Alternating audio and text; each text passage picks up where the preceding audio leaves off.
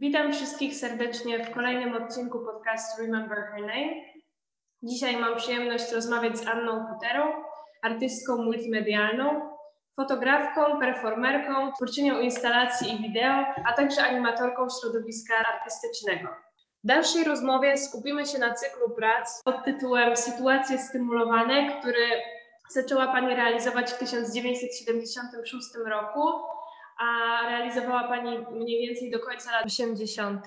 I chciałabym, żeby na początku opowiedziała Pani, skąd wypłynął pomysł na zrealizowanie takiego cyklu i jakie były jego główne założenia. Dobrze, to zaczynam na ostro.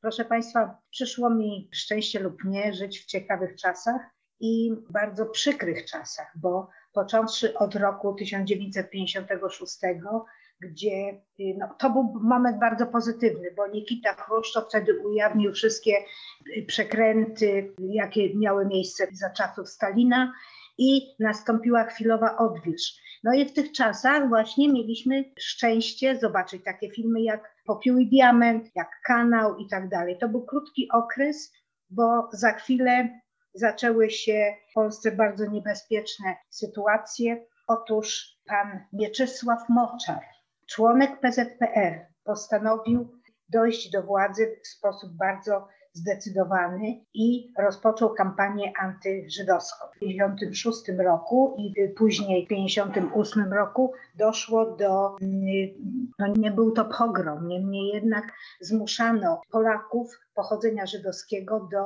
emigracji bądź ludzi, którzy byli na stanowiskach, a nie zgodzili się na emigrację ani do Stanów Zjednoczonych, ani do Izraela, przenosić w różne inne miejsca bardzo nieciekawe.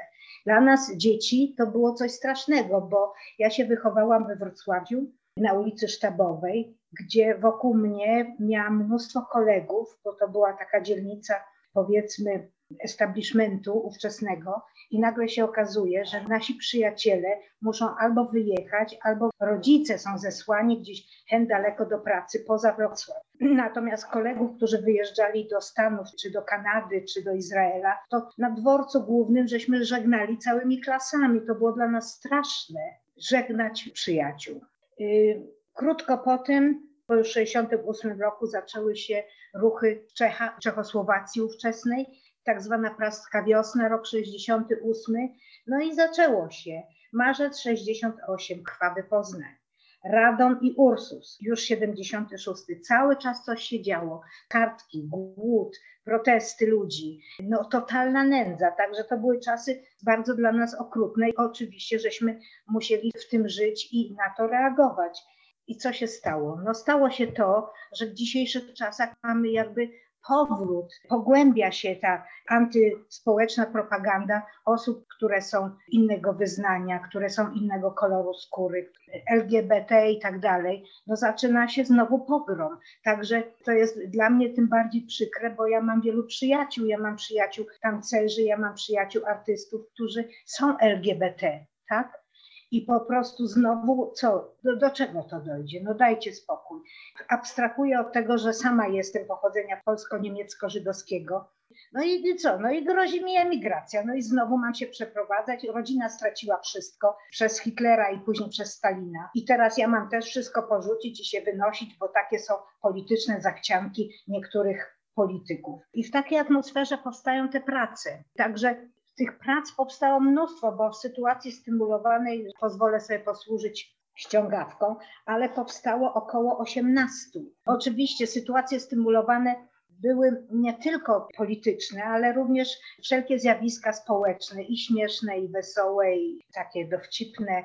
Także można powiedzieć, że również ta prezentacja, gdzie do stolika w Gdańsku w 1975 roku zapraszałam różnych ludzi, których wybierałam spośród widowni i prosiłam, żeby zechcieli ze mną posiedzieć minutkę w milczeniu, nie musieliśmy nic robić. Po prostu była to forma takiej akceptacji tych ludzi, radości, że mogę z nimi przebywać. To są osoby z różnych stron świata i po prostu byłam przeszczęśliwa, że oni wszyscy przyszli zobaczyć to mój performance. Później jest praca pod tytułem Monolog, prześmieszna praca, bo taka nastawiona na taką interakcję z moim mężem, którego bardzo kochałam i, i do dziś jestem y, zrozpaczona jego brakiem.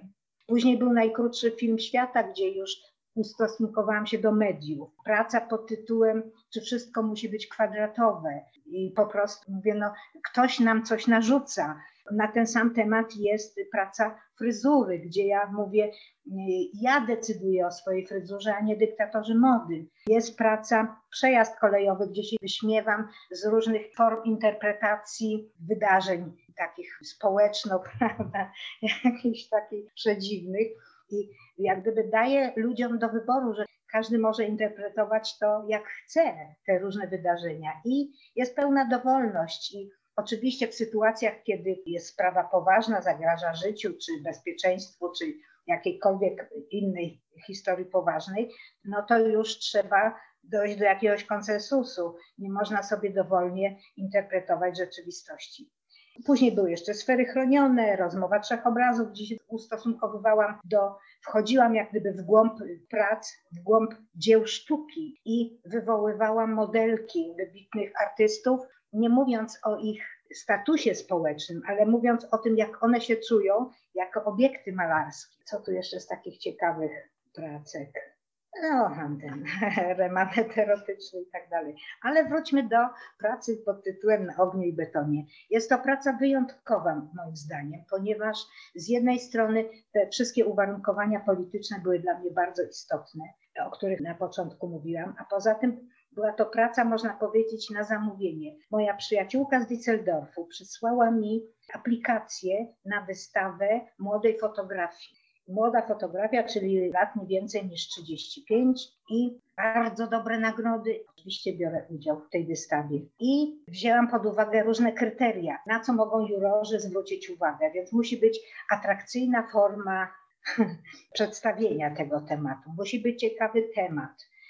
No i musi być oczywiście fotografia. I stąd powstała praca na ogniu i betonie, gdzie tą szachownicą są pola wypełnione zdjęciami ognia i zdjęciami betonu. Grają pionki, które są moimi oczami, mówiąc szczerze. I te pionki wyrażają taką pokorę bycia, pokorę, bo ktoś tymi pionkami porusza. Ale jaki my mamy wybór? Możemy tłuc głową w ścianę i też nic nie zdołamy, albo spłonąć z emocji, które nam towarzyszą.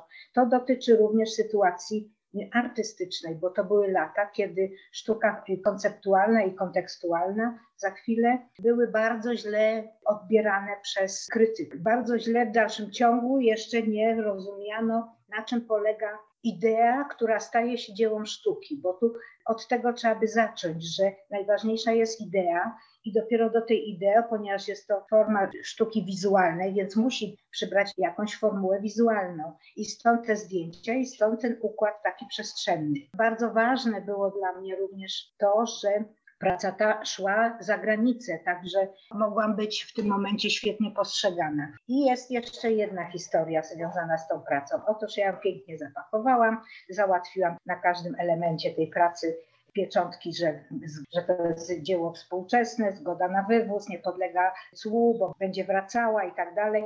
I we Wrocławiu na dworcu głównym był urząd celny i tam trzeba było nosić wszystkie paczki, które szły za granicę. Ja zbudowałam przepiękną skrzyneczkę drewnianą, i w tej skrzyneczce zawiozłam tą pracę. Celnik kazał mi to rozpakować wszystko i wyszedł. I mówi, Państwo to teraz pakuje. No i oczywiście lustro weneckie i prawdopodobnie obserwowali, co ja tam pakuję do tego. Prosił jeszcze, żebym mu opowiedziała o tej pracy, co to jest w ogóle, co to są za te za oczy.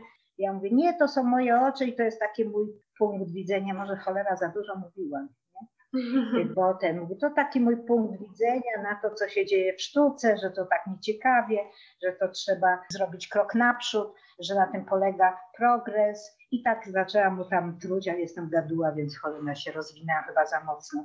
Zapakowałam tą pracę. Złożyłam te wszystkie aplikacje, zapłaciłam za przesyłkę i później dzwonię do Brygidy, mówię, Brygida, ty tam pilnuj w tym muzeum, czy zapytaj się, czy już te prace moje doszły. Nie doszły. A wysłałam z bardzo dużym terminem wcześniejszym, żeby nie było żadnych komplikacji. Słuchajcie, te prace nie doszły, więc podejrzewam, że celnik prawidłowo odczytał ideę tej pracy, że jest no, antypolityczna, nie? że jest politycznie zaangażowana. Ta praca nie wyszła z Polski, a później mając te kwity, y, przez jeszcze przez dwa miesiące usiłowałam ją odzyskać i odzyskałam rzeczywiście. I w tej chwili praca ta znajduje się w Muzeum Współczesnym we Wrocławiu i jest eksponowana zresztą bardzo często. Tyle na ten temat. Nie wiem, czy jeszcze chcecie Państwo coś usłyszeć na temat innych prac? No ja bym chciała usłyszeć, bo też mówiła Pani o tej historii a propos tego, jak, z jaką reakcją się spotkała ta praca w Muzeum Współczesnym w Wrocławiu. Tak, no to było bardzo ciekawe, bo kuratorka muzeum zaproponowała takie też spotkanie online, gdzie wypowiadali się różni ludzie na temat stałej ekspozycji, w której ta praca była przedstawiana. I byli tam psychologowie, cała grupka, bo tam było chyba z sześć osób z psychologii i chcieli, się przestraszyłam, o Jezus, psychologami, zaraz mnie do wariatkowa zamkną. I ja mówię, co oni na wymyślają? No, jeden psychiatra, no mówię pani, że komedia. I y, ja najpierw, no to co, jaki wasz odbiór był tej pracy? Jeden tam chłopak mówi, że chodził po tej wystawie, bo oni mieli zadanie znaleźć na wystawie pracę, o której by chcieli porozmawiać. I mhm. jeden chłopak mówi, że wybrał to moją pracę i zaproponował omówienie tej pracy jeszcze swoim koleżankom i kolegom, po czym mówi do mnie tak, wie pani co, chodziłem po wystawie i nagle patrzę, że to nie ja patrzę na dzieło sztuki, tylko dzieło sztuki patrzy na mnie. to było bardzo ładne, bo rzeczywiście te, te oczy są dosyć wyraziste i takie no, zwrócone na widza. To mi się bardzo spodobało. Co prawda, jak przytoczyłam kontekst powstawania tej pracy, jak opowiedziałam historię, że ta praca dostała areszt domowy, no to już inaczej. Jak gdyby żarty się skończyły po prostu, nie? Że można w tym zobaczyć pewien żart, dowcip, humor, ale z drugiej strony jest to pogłębione tą sytuacją, w której ta praca powstawała. Także no, dyskusja była ciekawa, bo ludzie zaczęli tam a czyje oczy, a dlaczego oczy. Można było to inaczej pokazać, jakąś inną częścią ciała, się wypiąć na tą sytuację polityczną, no ale może jeszcze mi wtedy nie wypadało. Później artystki się rozwinęły i nie miały żadnych oporów. Tyle w zasadzie można by było na ten temat powiedzieć. Widać, że praca musiała być dosyć mocna w przekazie jak na tamten czas, skoro jednak została zablokowana, w sensie zostało zablokowane pokazanie jej gdzieś indziej. A czy... No tak, no niestety. A czy powiedziałaby Pani coś więcej o tej pracy fryzury? O fryzurach? Tak. No fryzury, no to wiadomo, bo po prostu no, abstrahując, że każda z nas stara się wyglądać fajnie i robi to dla siebie oczywiście, ale no znowu jest taki moment zadumy, że ktoś jednak kreuje nam te wzorce. Ja widziałam taki w internecie fajny dowcip, gdzie zestawiono zdjęcia młodych dziewcząt z lat 50.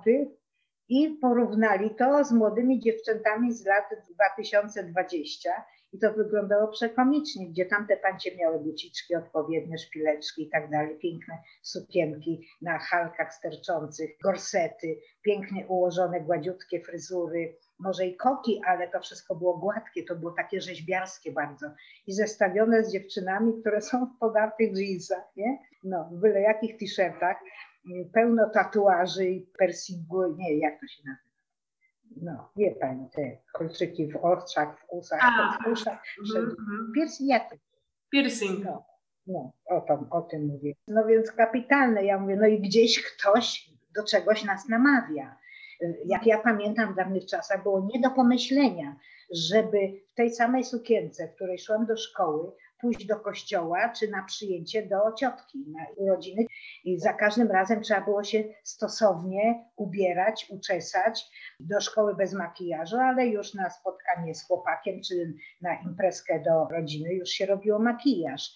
Także te fryzury też, to wszystko jak gdyby podlegało pewnym konwenansom. Natomiast w tej chwili widzę, że jak gdyby to odeszło w przeszłość. Nie ma tego. Dziewczyny tak samo chodzą do szkoły, tak samo idą na prywatkę, tak samo idą na, do teatru w dżinsach, ba, żeby w dżinsach, ale w dresach do teatru. No za moich czasów to było nie do pomyślenia, żeby w dresach i w trampkach iść na koncert czy do filharmonii. No a w tej chwili nie zwraca się na to uwagi. ale między innymi mój manifest na tym polegał, że to każdy z nas chce decydować o tym, jak wygląda, w co się ubiera. Niemniej jednak nasze ubranie czy fryzura ma oddać, przede wszystkim uszanować osobę, która na nas patrzy, bo to nie jest, my siebie widzimy raz rano w lusterku i na tym dość. Natomiast ktoś na nas cały czas patrzy. Ja jestem czynną nauczycielką. Muszę, prawda, tu zawsze być wszystko w porządku. Nie ma mowy, żeby ktoś mi coś zarzucił. Mhm. No, pazurki zrobione, fryzura zrobiona, lekki makijaż, nie? Także to wszystko raz, że wyrażam tym swoim ubiorem szacunek dla osoby, z którą przebywam, a dwa, ja się z tym o wiele lepiej czuję, niż gdybym była rozchełstana z biustem na wierzchu, nie? I z miniuwą. Także abstrahuję od wieku, ale w każdym razie wolność wolnością, ja jestem za jak najbardziej, no ale jednak szacun się należy. Mhm. No tak, z jednej strony tak, ale też przez to, no przez to pokazywanie, że każdy może wybierać, każdy chce decydować o tym, jak wyglądać, no to ta wolność, ta, ta wolność się też zwiększa. Ta praca tak odbieram bardziej, jakby ona była bardziej takim zaproszeniem tego, żeby praktykować tą wolność a propos tego, co się chce, jakby jak, jak się chce wyglądać, więc to jest odejście od tych konwenansów, a w tym momencie mamy do czynienia z taką sytuacją, w której te konwenansy są po prostu już zatarte do takich granic dość skrajnych, więc może ta sytuacja się po prostu bardzo zmieniła. Tak, oczywiście i to jest też przenośnia na sytuację polityczną i społeczną, bo to nie tylko chodzi prost o tą fryzurę czy sposób ubierania się, ale jest to również narzucenie na, no widzimy co się teraz dzieje, już tak odnosząc się do polityki.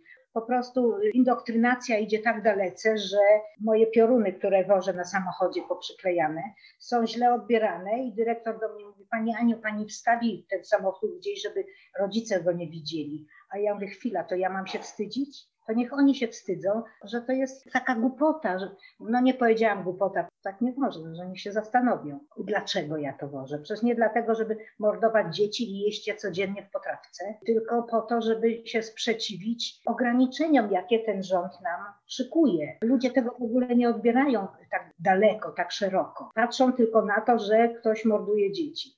No ja nie morduję dzieci i mówię, żaden normalny człowiek dziecka nie zamorduje. Także o to właśnie chodzi, nie? To jest cały czas, chodzi o to samo. Granice wolności są, oczywiście są, nie? Bo nasze życie polega na tym, żeby nikomu nie robić krzywdy, żeby nikogo nie ograniczać, żeby nikomu nie dyktować, co ma robić. No przecież to jest nie do pomyślenia. Wiadomo jest, że w tej chwili jest luz blues i dzieci się hoduje na zupełnie na swobodnie.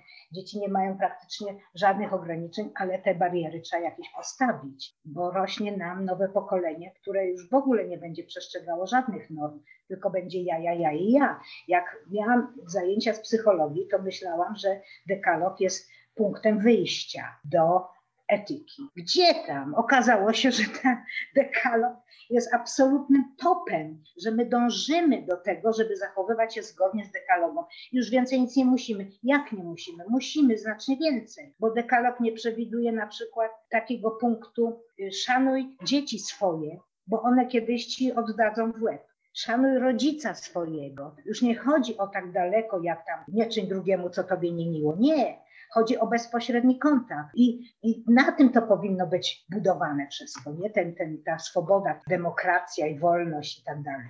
Także poza tym, no do czego by to doszło? Za moich czasów było nie do pomyślenia, żeby młodzi ludzie na ulicy szli i przeklinali. No nie do pomyślenia było. To od razu ktoś zwrócił uwagę, od razu ktoś, czy w tramwaju rozsiadają się, słuchawki na łeb i nie ma go. Znika, znika, nie ma go. Jest niewidzialny. Myśli, że jest niewidzialny. No to jest straszne. To jest straszne i przeciwko temu ja protestuję, proszę pani i państwa. Dobrze. To dziękuję bardzo za tę opowieść o sytuacjach stymulowanych i różnych innych wątkach. Było mi bardzo miło. Również. Dziękuję. Trzymajcie się, trzymajcie się ciepło i nie dajcie, żeby wam korona na głowę spadła. O, na pewno nie. Pozdrawiamy.